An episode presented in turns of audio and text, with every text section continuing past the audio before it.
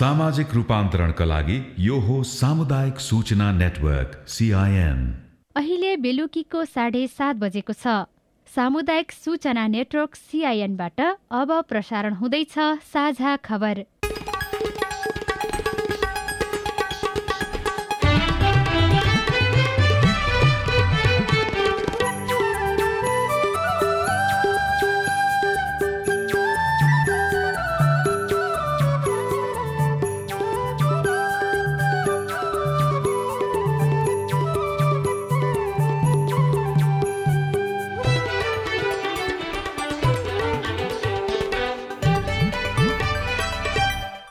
सिआइएनको साझा खबरबाट दीपक आचार्यको नमस्कार।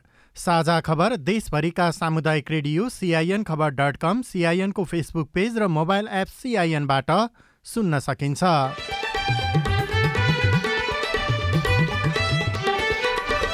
द्वन्द्वकालीन मुद्दामा प्रधानमन्त्री प्रचण्ड विरुद्धको रिट सर्वोच्चमा दर्ता। शान्ति सम्झौता विपरीतका गतिविधिको प्रतिवाद गर्ने माओवादी धारका दलहरूको निर्णय।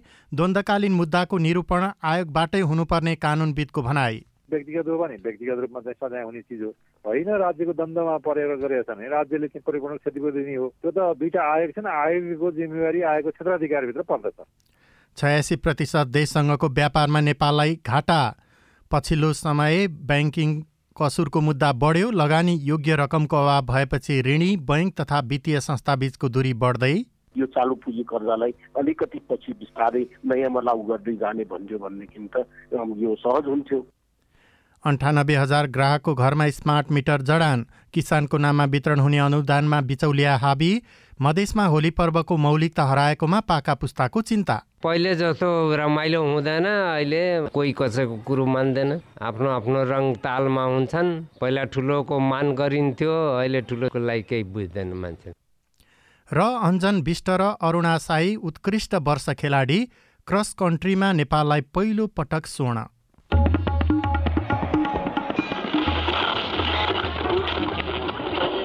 सयौं रेडियो। हजारौं रेडियो कर्मी र करोडौं नेपालीको माझमा यो हो सामुदायिक सूचना नेटवर्क सिआइएन स्थानीय सरकारमा भएको भ्रष्टाचार अनियमितता नरोक्ने हो भने संहिता नै सङ्कटमा पर्ने विज्ञहरूले बताइरहेका छन्। केही अपवाद बाहेक सरकारी जग्गा र सम्पत्तिको अतिक्रमण अनि किनबेचमा भूमाफियालाई साथ दिने बजेटलाई मनोमानी रूपमा खर्च गर्ने यस्ता स्थानीय जनप्रतिनिधिहरूको कामले राज्य नै कमजोर भइरहेको छ। यसतर्फ सबैले समीक्षा गर्दै सुधारका लागि पहल गर्नु आवश्यक छ। अब खबर सुशीला श्रेष्ठबाट। प्रधानमन्त्री पुष्पकमल दाहाल प्रचण्ड विरुद्ध सर्वोच्च अदालतमा रिट दर्ता भएको छ। दुई हजार छयत्तर साल माघ एक गते काठमाडौँको टोडीखेलमा भएको एक कार्यक्रममा सशस्त्र युद्धका बेला मारिएका सत्र हजार मध्ये पाँच हजार जनाको मात्रै आफूले जिम्मा लिने अभिव्यक्ति दिनुभएको थियो।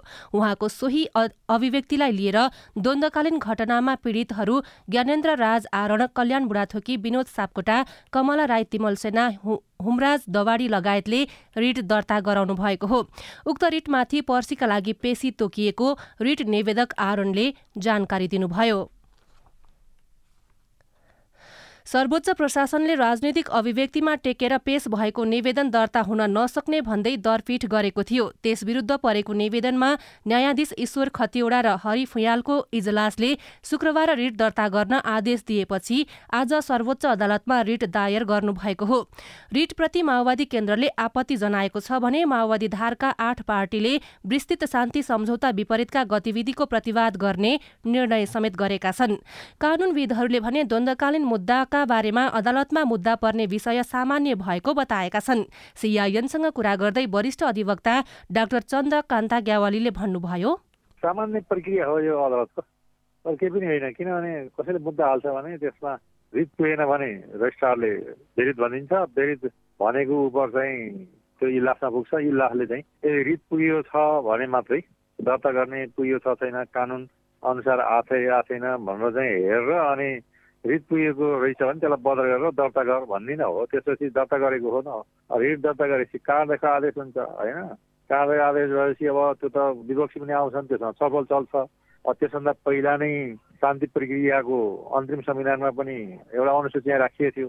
यो दन्तकालीन मुद्दा हुन् भनेको छ एउटा। अर्को चाहिँ सिरियस क्राइमहरू व्यक्तिगत क्राइम छ भने एउटा कुरा होला होइन?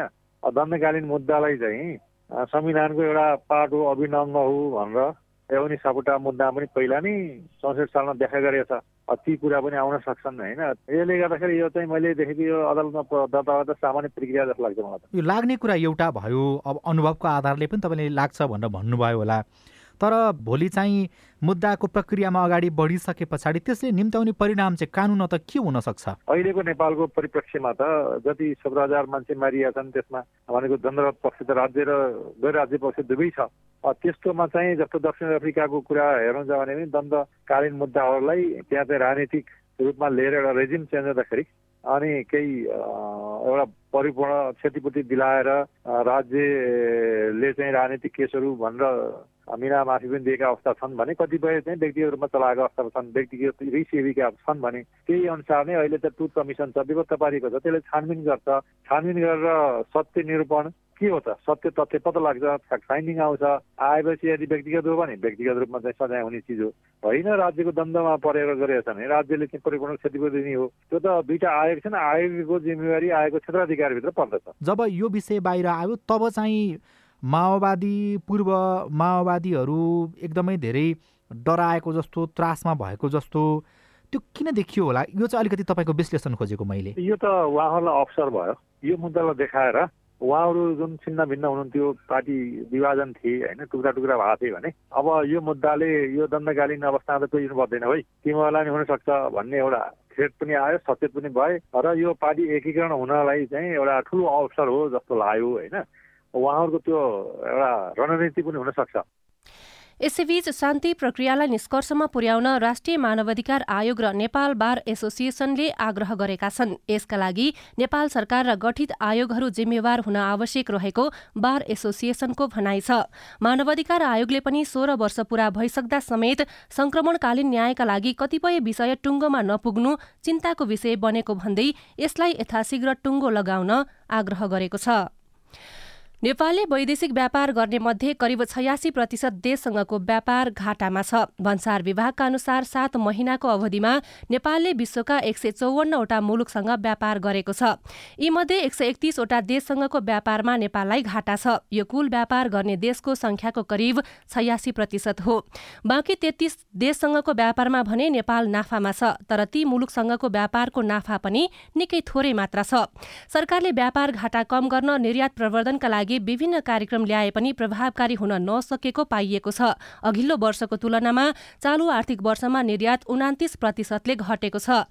नेपालले निर्यात वृद्धिका लागि बनाएका योजना प्रभावकारी हुन नसक्दा यस्तो अवस्था आएको पूर्व अर्थ सचिव कृष्ण हरि बास्कोटाले सिआइएनसँग बताउनुभयो। मूल कुरोको सुरु नै हामीले के बुझ्नुपर्छ भने संख्यामा करिब डेढ सयवटा मुलुकसँग नेपालको व्यापार छ। केवल बिसवटा मुलुकसँग चाहिँ केही हदमा भए पनि नाफा हुँदो रहेछ एक सय तिससँग चाहिँ घाटा हुँदो रहेछ भनेर हामी यसमा अचम्म मान्न पर्ने अवस्था नै छैन। यसको एक मात्र कारण नै हामी चाहिँ प्रडक्सन बेस्ड कन्ट्री होइनौँ हामी चाहिँ कन्जम्सन बेस्ड कन्ट्री हौ। पहिलो कुरो चाहिँ त हाम्रो नेपालमा करिब पैँतिस लाख हेक्टर खेतीयोग्य जमिन छ। अहिले पैँतिस लाख नै युवा खाडी मुलुकमा क्रियाशील छन्।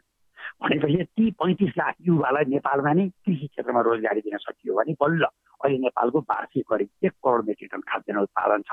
त्यसलाई हामीले चाहिँ करिब पाँच करोड मेट्रिक टन पुर्याउन सक्यौँ भने हामी तुरन्तै खाद्यान्न चाहिँ निकासी गर्न सक्ने मुलुकमा पुग्छौँ। नेपालको कुल व्यापारको सत्तरी प्रतिशत भन्दा धेरै भारत र चीनको व्यापारले ओगट्ने गरेको छ। मुलुकबाट वर्षेनी उच्च मात्रामा आयात हुने गरेको छ तर निर्यात भने न्यून छ। नेपाल विद्युत प्राधिकरणका अनुसार करिब अन्ठानब्बे हजार ग्राहकको घरमा स्मार्ट मिटर जडान गरिएको छ। घराइसी ग्राहक अर्थात् सिंगल फेजमा पहिलो चरण अन्तर्गत रत्नपार्क महाराजगञ्ज वितरण केन्द्र मार्फत अन्ठानब्बे हजार घरमा स्मार्ट मिटर जडान गरिएको प्राधिकरणले जनाएको छ। यस्तै देशभर थ्री फेज लाइनका करिब सत्तरी हजार ग्राहकका पुराना मिटर हटाएर नयाँ स्मार्ट मिटर जडान गरिएको छ। स्मार्ट मिटर जडानले बिजुली चुहावट रोकिने र बक्यौता नरहने प्राधिकरण प्राधिकरणको भनाइ छ। जसले उपभोक्ताले बिल तिरेको नतिरेको समेत केही सेकेन्डमा नै केन्द्रीय प्रणालीलाई थाहा हुने सिस्टममै उपभोक्ताले रिचार्ज कार्ड मार्फत रिचार्ज गरेर बिजुलीको खपत गर्न सक्ने प्राधिकरणको भनाइ छ। पाइलट प्रोजेक्टका रूपमा अगाडि बढाइएको स्मार्ट मिटर पहिलो चरणपछि अब देशभर जडान गर्ने प्राधिकरणले जनाएको छ। अब दोस्रो चरणका लागि नयाँ बोलपत्र आह्वानको तयारी भइरहेको प्राधिकरणका प्रवक्ता सुरेश कुमार भट्टराईले सिआइएनसँग बताउनुभयो। टेन्डरिङबाट कति प्रोसेसमा आउँछ कति पैसामा आउँछ कति राख्न सकिन्छ होइन? अहिले हामीलाई डोनर एजेन्सी एडिबीसँग हामीले कुरा गरिरहेका छौँ। उनीहरूले बजेट एलोकेसनमा पनि कस्तो हुन्छ त्यस पछाडि थाहा हुन्छ नि टेन्डरिङले पनि एउटा पिक्चर दिन्छ। तिन मेगा हज फ्रिक्वेन्सी एप्रुभल भएको छ होइन? हामीलाई अब ब्यान्ड वाइडले कभर गरुन्जेलसम्मको रेन्ज हामीले हेर्छौँ। अध्ययन भइरहेको छ होइन? जति सक्दो छिटो हामी यसलाई इम्प्लिमेन्टमा ल्याउँछौँ। यसैबीच नेपाल विद्युत प्राधिकरणले सड़क बत्ती प्रयोग बापतको विद्युत महसुल बक्यौता तत्काल भुक्तान गर्न निर्देशन दिएको छ। प्राधिकरणले सूचना निकालेर सहमति नलिई आफू खुसी सड़क बत्ती जडान नगर्न चेतावनी दिएको छ। पछिल्लो समय नेपालमा ब्याङ्किङ कसुरको मुद्दा बढेर गएको छ। नेपाल प्रहरीका अनुसार चालु आर्थिक वर्षको पाँच महिनामा देशभर तीन हजार आठ सय पचासवटा ब्याङ्किङ कसुरमा मुद्दा दायर गरी दुई सय उनापचालिसजना पक्राउ गरिएको छ। अघिल्लो आर्थिक वर्षमा देशभर पाँच हजार तीन सय तिरासीवटा ब्याङ्किङ कसुरका मुद्दा दर्ता भएका थिए। चालु आर्थिक वर्षमा परेका उजुरी मध्ये सबैभन्दा धेरै चेक बााउन्सका छन्। चेक बााउन्सका उजुरी बढेसँगै चेकमा कारोबार गर्दा सचेत रहन प्रहरीले अनुरोध गरेको छ। साझा खबरमा अब खेल खबर। फुटबल खेलाडी अञ्जन विष्ट र भलिबल खेलाडी अरूणा शाही वर्षको उत्कृष्ट खेलाडी बन्नु भएको छ। नेपाल खेलकुद पत्रकार मञ्चले आयोजना गरेको स्पोर्ट्स अवार्डमा गत वर्ष गरेको प्रदर्शनका आधारमा उहाँहरूलाई उत्कृष्ट खेलाडी घोषणा गरिएको हो। यस्तै वर्षका उत्कृष्ट युवा खेलाडीको पुरस्कार मनिष डाँगीले पाउनुभयो। तिनैजनाले एक एकवटा मोटरसाइकल पुरस्कार पाउनु भएको छ। यस्तै लाइफ टाइम अचिभमेन्ट अवार्डबाट ओलम्पियन रघुराज वन्त उत्कृष्ट वर्ष प्रशिक्षक फुटबलमा पूर्व मुख्य प्रशिक्षक अब्दुल्लाह अल्मुताइरी र विशेष सम्मानबाट पारा ओलम्पियन पलेसा गोवर्धनलाई सम्मान गरिएको छ। यसैबीच सोह्रौं एसियन क्रस कन्ट्री प्रतियोगितामा नेपालका दीपक अधिकारीले स्वर्ण पदक जित्नु भएको छ। काठमाडौँमा भएको प्रतियोगिताको पुरुष दस किलोमिटर दौड तेत्तिस मिनट बाहन्न दशमलव शून्य सत्तरी सेकेन्डमा पूरा गर्दै दीपकले नेपाललाई स्वर्ण पदक दिलाउनु भएको हो। नेपालले क्रस कन्ट्रीमा पहिलो पटक स्वर्ण पदक जितेको हो। सुशीला श्रेष्ठ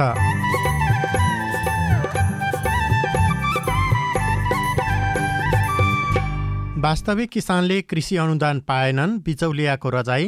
कर्मचारी त्यसै निस्केर हिँडे अनि तपाईँको फर्म पनि त्यसै त्यसै बन्द भयो। अब त्यो अनुदान खानकै लागि गरिएको थियो होला। अब अनुदान खाइसकेपछि फर्म चाहिँ अहिले बन्द भयो। किसानको नाममा अनुदान पचाउने खेलो रिपोर्टसँगै चर्चा गरिए जस्तै बजारमा पैसाको अभाव भएकै हो त। अर्थविज्ञसँगको कुराकानी पनि बाँकी नै छ। सिआइएनको साझा खबर सुन्दै गर्नुहोला। ल कान्छा यतिका दिन जे भयो भयो। अब दाई दिदीबहिनीहरूसँग रिस नराखेस् है। कान्छा दाईले मात्रै होइन क्या आमा? मेलमिलाप भइसकेपछि अब कसैले मन अमिलो बनाउनु भएन। तपाईँहरूले नै रोजेका मेलमिलापकर्ता राखेर जग्गाको साँच सिमाना बारेको नौ वर्षदेखिको विवादमा मेलमिलाप भयो। योभन्दा खुसीको कुरा हामी मेलमिलापकर्ताको लागि के हुन्छ र? मेलमिलापकर्ता बाबु हामी दुई भाइ बिचको झगडालाई यति सजिलै चाँडै मिलाइदिनु भएकोमा तपाईँलाई मुरी मुरी धन्यवाद छ। मैले यो मेलमिलाप केन्द्र भन्ने त अलि पहिले नै सुनेको थिएँ क्या बाबु। मन माझामाझ गरेर दुवै पक्षले जित्ने गरी पो कुरा मिलाउनु हुने रहेछ। कस्तो राम्रो। मनमुटाप गर्नेहरूलाई अबदेखि यो मेलमिलाप केन्द्रमै जाऊ भन्छु म चाहिँ। सुन्नुहोस् न आमा। सरकारी सामुदायिक र सार्वजनिक बाहेक जग्गा सम्बन्धी विवाद गाली बेजती लुटपिट सहित विभिन्न एघार प्रकारका विवाद हरेक वडामा रहेका मेलमिलाप केन्द्रबाट मिलापत्र गराउन सकिन्छ नि आमा। कस्तो राम्रो। अनि हरेक वडामा यस्ता मेलमिलाप केन्द्र छन् त बाबु। छन् नि आमा किन नहुनु? कुनै कुनै वडामा दुई वा त्यसभन्दा धेरै पनि छन्। विवादका पक्ष र विपक्षका व्यक्तिले चाहेको मेलमिलाप केन्द्रबाट निकास खोज्न सकिन्छ। वडाको मेलमिलाप केन्द्रबाट विवाद समाधान भएन भने नि आमा? हजुर। पालिकाको न्यायिक समितिले पनि विवाद समाधानका लागि छलफल गराउन सक्छ। आहा यति भएपछि त गाउँघरको झगडा गाउँमै हाँसी खुसीका साथ मिल्ने भइहाल्यो नि होइन त? हो नि आमा। अस्ट्रेलिया सरकार र द एसिया फाउन्डेसनको साझेदारीमा सञ्चालित स्थानीय सरकार सबलीकरण कार्यक्रम र अकोराब नेपाल। जलवायु परिवर्तनले मानव जीवन र प्राकृतिक प्रणालीमा विश्वव्यापी प्रभाव पारेको छ। आगामी दिनमा यो क्रम अझै बढ्दै जाने अनुमान गरिएको छ। तिम्रो किताबमा पनि जलवायु सम्बन्धी पाठ रहेछ नि है नविना छ नि। आज म पारिस्थितिकीय प्रणालीमा आधारित अनुकूलन अर्थात् इबिए भन्ने पाठ पढ्दैछु। के रहेछ यो इबिए भनेको? जोखिममा परेका समुदायलाई प्राकृतिक स्रोत र साधनको उपयोग गरी जलवायु परिवर्तनको जोखिम न्यूनीकरण र सामना गरी जिउने र विकसित हुन सहयोग पुर्याउने कामलाई इबिए भनिन्छ। जलवायु परिवर्तनको प्रतिकूल प्रभावको सामना गर्न समुदायहरूलाई सहयोग पुर्याउने यो एउटा नयाँ अवधारणा हो। ए अनि खेती किसानी गर्ने हामीलाई पनि यसले फाइदा गर्छ? गर्छ नि। सुक्खा ठाउँहरूमा कम चिस्यानमा हुर्कन सक्ने बाली नाली लगाउने अनि पहिरो जान सक्ने क्षेत्रमा पहिरो रोकथाम गर्न सक्ने र उपयोगी बिरुवा लगाउने। समुदायलाई फाइदा हुने गरी वन चरण पानीको मुहान जस्ता स्रोतको दिगो व्यवस्थापन गर्ने कामहरू इबी अन्तर्गत पर्छन् क्या? उसो भए त यो गजबको कुरा रहेछ त। हो त नि धेरै गजबको कुरा हो। इबिए को योजना तयारी र कार्यान्वयन गर्दा स्थानीय जनताको सहभागिता आदिवासी जनजाति संरक्षण कर्मी प्राकृतिक स्रोत व्यवस्थापन अभियन्ता र निजी क्षेत्रका सरोकारवालाहरू बीच पनि समन्वय चाहिन्छ। जलवायु परिवर्तनले निम्ताएका चुनौतीको सामना गर्न जमिन जल र प्राकृतिक स्रोत व्यवस्थापनका सर्वोत्तम उपलब्धिहरूको कार्यान्वयन गरौँ। पारिस्थितिकीय प्रणालीमा आधारित अनुकूलन आयोजना जलवायु परिवर्तन तथा व्यवस्थापन महाशाखा वन तथा वातावरण मन्त्रालय र सिआइएन सामाजिक रूपान्तरणका लागि यो हो सामुदायिक सूचना नेटवर्क सिआइएन तपाईँ सामुदायिक सूचना नेटवर्क सिआइएनले काठमाडौँमा तयार पारेको साझा खबर सुन्दै हुनुहुन्छ। अब बाँकी खबर।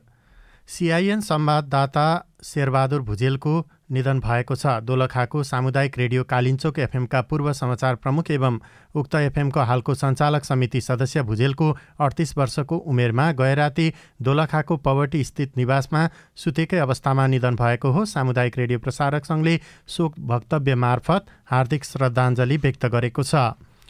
कृषि तथा पशुपन्छी विकास मन्त्रालयका अनुसार अहिले एक सय सत्र प्रकारका व्यवसायमा अनुदान दिने व्यवस्था छ। कृषि अनुदानकै लागि सरकारले हरेक वर्ष अर्बौँको रकम विनियोजन पनि गर्छ तर अनुदान रकम वितरणमा समस्या हुँदा रामेछापको खाँडादेवी गाउँपालिकामा वास्तविक किसान मर्कामा परेका छन्। किसानको नाममा अनुदान लिएर सरकारी रकम हिनामिना भएको आरोप आएको छ।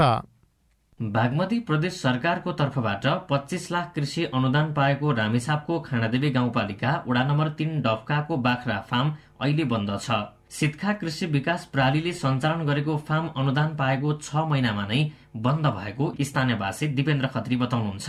तपाईँको त्यो पैसा चाहिँ पचाइसकेपछि अहिले कर्मचारीले पनि पैसा पाएनन्। कर्मचारी त्यसै निस्केर हिँडे। अनि तपाईँको फर्म पनि त्यसै त्यसै बन्द भयो। अब त्यो अनुदान खानकै लागि गरिएको थियो होला। अब अनुदान खाइसकेपछि फर्म चाहिँ अहिले बन्द भयो। रामेछापमा बागमती प्रदेश सरकारको आर्थिक मामिला र कृषि मन्त्रालय मार्फत अनुदान पाएका दर्जन बढी पशु फार्म छन्। तीमध्ये कति सञ्चालनमा छन् र कति बन्द भए सरकारसँग कुनै तथ्याङ्क छैन। अनुदानकै लागि देखावटी फर्म दर्ता गर्ने र अनुदान पाएपछि बन्द गर्ने परिपाटी बढेको बताउनुहुन्छ खानादेवीका स्थानीय विनोद श्रेष्ठ। अनुदान ल्याएर उनीहरू काम गरेन यो भाडा पनि कसै राम्रोसँग तिरेन कि? भाडा पनि तिरेन अनि उनीहरू चटक्क छ अनि कसैले छोडे कसैले त्यति अल्झा राखिरहेको छ अनुदानको नाममा खेती किसानीमा नलागेकाले पनि राज्यको रकम दुरुपयोग गरेको गाउँपालिका बताउँछ। त्यस्ता व्यक्तिलाई कारवाही गर्ने अधिकार नभएको गाउँपालिका अध्यक्ष ज्ञान कुमार श्रेष्ठको भनाइ छ। जो मूल अगुवा भन्नेहरूले सामाजिक रूपमा त्यो गलत काम गर्नुभयो त्यो अपराध जस्तो देखिन्छ। कानुनी हिसाबले बाख्रा पाल्नलाई अथवा किवी फलाउनलाई वा चाहिँ बङ्गुर पाल्नलाई पैसा दिएको त्यतिखेर अवस्थामा बङ्गुर पनि पाल्नुभयो सङ्ख्या पनि देखाउनुभयो फोहोर फारक पनि भइसक्यो। त्यो बजेट पास भइसक्यो कानुन हिसाबले अहिले हामीले कारवाही गर्न सक्दैनौँ। व्यवहारिक हिसाबले त्यो गलत भयो। कृषि नै मुख्य पेसा बनाएर सरकारको सहयोग पर्खिरहेका किसान अनुदानको रकम दुरुपयोग हुँदा निराश छन्। अनुदानको रकम वितरणमा देखिएको समस्या समाधानका लागि भएका पहल के छन्? बागमती प्रदेश कृषि तथा पशुपक्षी विकास मन्त्रालयका प्रवक्ता झलकनाथ कणेल समस्या समाधानमा त अहिले चाहिँ कार्यक्रमकै हिसाबले हामीले ठ्याक्कै अलिकति यो प्रतिस्पर्धात्मक अनुदान प्रणाली भयो नि त हाम्रो त होइन। त्यसलाई सुधार गर्न कार्यक्रमकै हिसाबले हामीले अहिले त्यो पुँजी कोष परिचालन भनेर यो आर्थिक वर्षदेखि सुरु गरेका छौँ। त्यो भनेको के हो भन्दाखेरि जसले काम गर्न चाहन्छ उसलाई चाहिँ निर्व्याजी पैसा दिने र उसले चाहिँ काम सुरु गरेर पैसा लगिसकेपछि पाँच वर्षभित्रमा चाहिँ किस्ता बन्दीमा फिर्ता गर्ने उस त्यसको ब्याज चाहिँ नलागिने। तर पैसा चाहिँ सरकारको पैसा फिर्ता गर्नुपर्ने अनुदानको सही प्रयोगका लागि साना तथा मध्यम किसानलाई परिचय पत्रको व्यवस्था गर्नुपर्ने र त्यसका आधारमा सरकारबाट वितरण हुने सेवा सुविधाहरू उपलब्ध गराउने अनुदान वितरण अध्ययन समितिको निष्कर्ष छ। तर कृषि अनुदानको कार्यक्रममा मापदण्डको पालना हुन सकेको छैन। राजन महतारा सिआइएन हजुरको रेडियो रामेछाप। हिजो काठमाडौँ उपत्यका र पहाडी जिल्लामा फागु पूर्णिमा तथा होली पर्व मनाइएको थियो। तराई मधेसमा बस्ने पहाडी समुदायले पनि हिजै होली मनाए। मधेसमा फागु पूर्णिमाको दिन होलिका दहन गरेर भोलिपल्ट अर्थात् चैत्र कृष्ण प्रतिपदाको दिन होली खेल्ने चलन छ। राम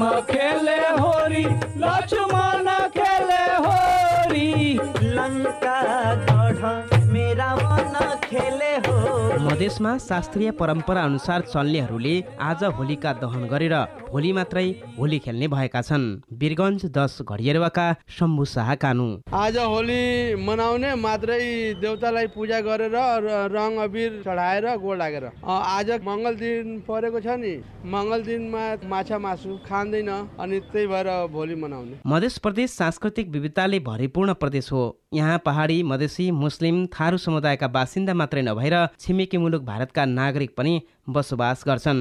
पहाडी समुदायले फागु पूर्णिमाका दिन होली खेल्छन् त्यसमा सबै सहभागी हुन्छन्। होलीको शास्त्रीय परम्पराको बारेमा बताउँदै वीरगञ्ज घडियरुवा स्थित रामजानकी मन्दिरका पुजारी शम्भुनाथ तिवारी। पूर्णिमा तिथिमा होलिका दहन गर्ने चैत्र कृष्ण पक्ष प्रतिपदाको दिनमा होली मनाउने शास्त्रीय परम्परा हो। आज पूर्णिमा भएकोले आज होली मनाउँदैन। होली प्रतिपदा भएकोले भोलि होली मनाउँछ। मधेसी समुदायले होलीमा मिठा मिठा खानेकुरा खाएर एक आपसमा रङ अबिर दल्दै शुभकामना आदान प्रदान गर्दछन्। होली पर्वको मौलिकता हराउँदै गएर विकृति मौलाएकोमा पाका पुस्ता भने चिन्तित छन्। होली तो बहुत बढ़िया पर्व है ना लेकिन लोग एकरा के रक्सी उक्सी खाओगे गलत बना देता। है पहिले जस्तो छैन अब। पहिला खुसीले हुन्थ्यो। वर्षौँदेखि झगडा भएको होलीको दिन मिल्थेन। अहिले त वर्षौँदेखि राम्रो भएको मान्छे अब होलीको दिन लतालती हुन्छ। त्यो अबिर लगाउँथेन गले मिल्थेन अनि सब पहिलेको दुःख बिर्सिन्थेन। पहिले जस्तो रमाइलो हुँदैन अहिले कोही कसैको कुरो मान्दैन। आफ्नो आफ्नो रङ तालमा हुन्छन्। पहिला ठुलोको मान गरिन्थ्यो अहिले ठुलोको लागि केही बुझ्दैन मान्छे। हरेक सांस्कृतिक पर्वको आआफ्नो मौलिकता छ। मौलिकता भुलेर डिजे संस्कृतिमा रमाउने प्रवृत्ति मधेसमा बढिरहेको छ। युवा पुस्ता होली पर्वमा रमाउँदै गर्दा यसको मौलिकतालाई पनि सँगसँगै लैजानुपर्ने आवश्यकता देखिन्छ। Suresh Bidari CIN Narayani FM Birgunj. तपाईँ सामुदायिक सूचना नेटवर्क सिआइएनले काठमाडौँमा तयार पारेको साझा खबर सुनिरहनु भएको छ। ऋणी र बैङ्क तथा वित्तीय संस्थाबीचको दूरी किन बढिरहेको छ? किस्ता दिनुहोस् अब नभए पनि काउला गाग्री के छ बाख्रा भए पनि दिनुहोस् भन्ने कुरा गर्नुहुन्छ। नेपालमा लगानी योग्य रकमको अभाव र कारण लगायतका अर्थ विशेष सामग्री बाँकी नै छन् सिआइएनको साझा खबर सुन्दै गर्नुहोला। दाइजो। दहेज मांगने है अस्सी हजार रुपया आठ आना सोना बारह भर चानी बाल विवाह? वर्ष चौध वर्ष। मेरो बिहे भएको डेढ साल भयो। साथीहरू स्कुल जाँदा रहर लाग्छ। बिहे किन गरेको जस्तो लाग्छ। छुवाछुत। कुकुर पढ्नु पनि हामी पढ्नु पनि भए भने त अलिकति मन त फेरि नै हुन्छ नि छाउपडी हुन्छ दुःख त नभएर हुन्छ बिहाको झगडा हुन्छ बेगा हुन्छ चिसो भइरहेछ। यस्ता हानिकारक परम्परागत अभ्यासका कारण महिला किशोरी र बालिकाहरू विभिन्न शारीरिक तथा मानसिक हिंसा भोग्न बाध्य छन्। होसियार यस्ता हानिकारक परम्परागत अभ्यासहरू कानुनद्वारा दण्डनीय छन्। ओल्ड भिजन इन्टरनेसनल नेपाल र सामुदायिक सूचना नेटवर्क सिआइएन नेपाल टेलिकमको सूचनाको संसार होइन के सुनेको यस्तो ध्यान दिएर दोहोरो बोलेको जस्तो नि देख्दिनँ। तिन दुई एक शून्य शून्य क्या? तिन दुई एक शून्य शून्य? के हो त्यो भने? बुझिन त। ल सुन एनटिसी प्रयोगकर्ताहरूले आफ्नो मोबाइल तथा ल्यान्डलाइनमा तिन दुई एक शून्य शून्य डायल गरी समाचार रेडियो कार्यक्रम खेल र अन्य विषयबारे सन्देशहरू जुनसुकै बेला निशुल्क सुन्न सक्छन्। ओहो निशुल्क? कस्तो सजिलो। समाचार सुन्न छुट्यो भनेर पिर लागेको थियो। अब त म पनि सुनिहाल्छु। कति रे? तिन दुई एक शून्य शून्य। सामाजिक रूपान्तरणका लागि यो हो सामुदायिक सूचना नेटवर्क सिआइएन तपाईँ सामुदायिक सूचना नेटवर्क सिआइएनले काठमाडौँमा तयार पारेको साझा खबर सुन्दै हुनुहुन्छ। नेपालमा लगानीयोग्य रकम अर्थात् तरलता अभाव भएको लामो समय भयो। कोरोना महामारी रुस युक्रेन युद्ध पुँजीगत खर्चको निराशाजनक अवस्था राजनीतिक अस्थिरता लगायतका कारणले नेपालमा आर्थिक सङ्कट बढ्दै गएको विश्लेषण पनि भइरहेको छ। रकमको अभाव भएपछि ऋणी र बैङ्क तथा वित्तीय संस्थाबीचको दूरी पनि बढ्दो छ। कोही नयाँ मान्छे आउँदाखेरि डरले जहाँ बस्यो त्यहीबाट नआउने गरेर लुक्छन्। किस्ता दिनुहोस् अब नभयो भने ताउला गाग्री के छ बाख्रा भए पनि दिनुहोस् भन्ने कुरा गर्नुहुन्छ। धेरै जसो दिदी पनि भागिसक्यो ब्याङ्क तथा वित्तीय संस्थाबाट ऋण लिएकाहरू अहिले यस्तै समस्यामा छन्। नेपाल लघुवित्त ब्याङ्कर्स सङ्घका अनुसार चौसठीवटा लघुवित्तका उनासाठी लाख सदस्यमध्ये तेत्तीस लाख जनाले कर्जा लिएका छन्। जसमध्ये नब्बे प्रतिशत महिला छन्। उनीहरूले एक खर्ब सडसठी अर्ब बचत गर्दा चार खर्ब बाहन्न अर्ब ऋण लिएका छन्। विवाहित महिलाको समूह बनाएर बिना धितो ऋण लगानी हुने भएपछि गाउँ पसेका हरेक जसो लघुवित्तबाट उनीहरूले ऋण लिएका थिए। दिदी बहिनीको कालो सूचीमा नामै तपाईँको पनि आउनुहुन्छ भन्ने कुरा गर्नुहुन्छ। त्यो कुरा सुन्ने बेला त मरो कि बाँच्यो भन्ने जस्तो अवस्था हाम्रो पनि त्यस्तै आउँछ।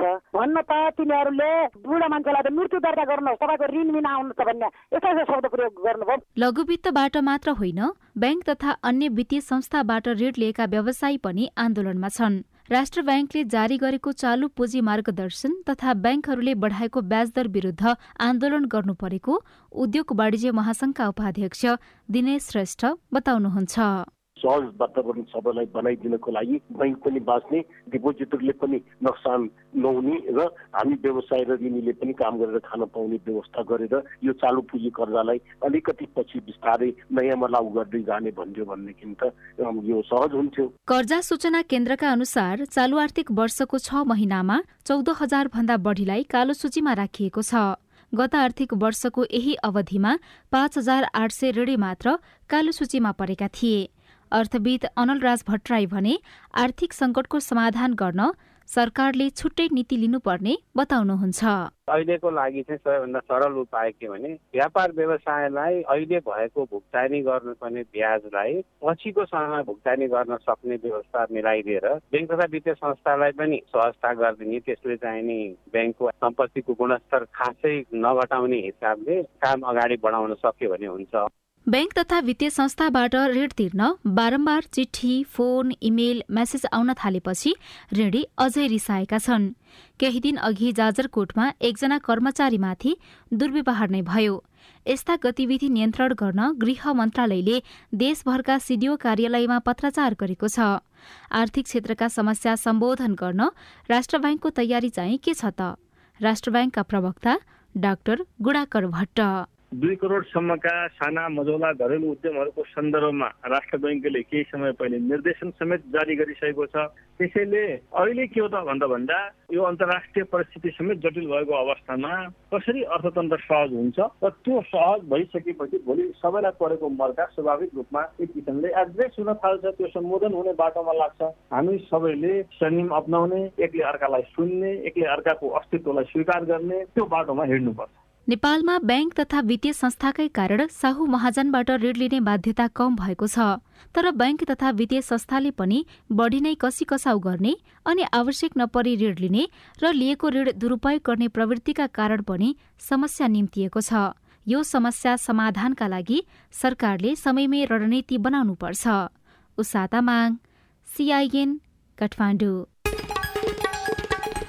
द्वन्द्वकालीन मुद्दामा प्रधानमन्त्री पुष्पकमल दाहाल प्रचण्ड विरुद्धको रिट सर्वोच्च अदालतमा दर्ता भएको छ। शान्ति सम्झौता विपरीतका गतिविधिको प्रतिवाद गर्ने माओवादी धारका दलहरूले निर्णय गरेका छन्। छयासी प्रतिशत देशसँगको व्यापारमा नेपाललाई घाटा देखिएको छ। पछिल्लो समय ब्याङ्किङ कसुरको मुद्दा बढ्दै गएको छ। किसानको नाममा वितरण हुने अनुदानमा बिचौलिया हावी हुन थालेका छन्। मधेसमा होली पर्वको मौलिकता हराएकोमा पाका पुस्ताले चिन्ता व्यक्त गरेका छन् र अञ्जन विष्ट र अरुणा साई उत्कृष्ट वर्ष खेलाडी घोषित हुनुभएको छ। हवस् त आजलाई साझा खबरको समय सकियो। प्राविधिक साथी सुभाष पन्तलाई धन्यवाद। भोलि फागुन चौबिस गते बिहान छ बजेको साझा खबरमा फेरि भेटौँला। अहिलेलाई भने म दिपक आचार्य पनि बिदा हुन्छु। नमस्कार शुभरात्री।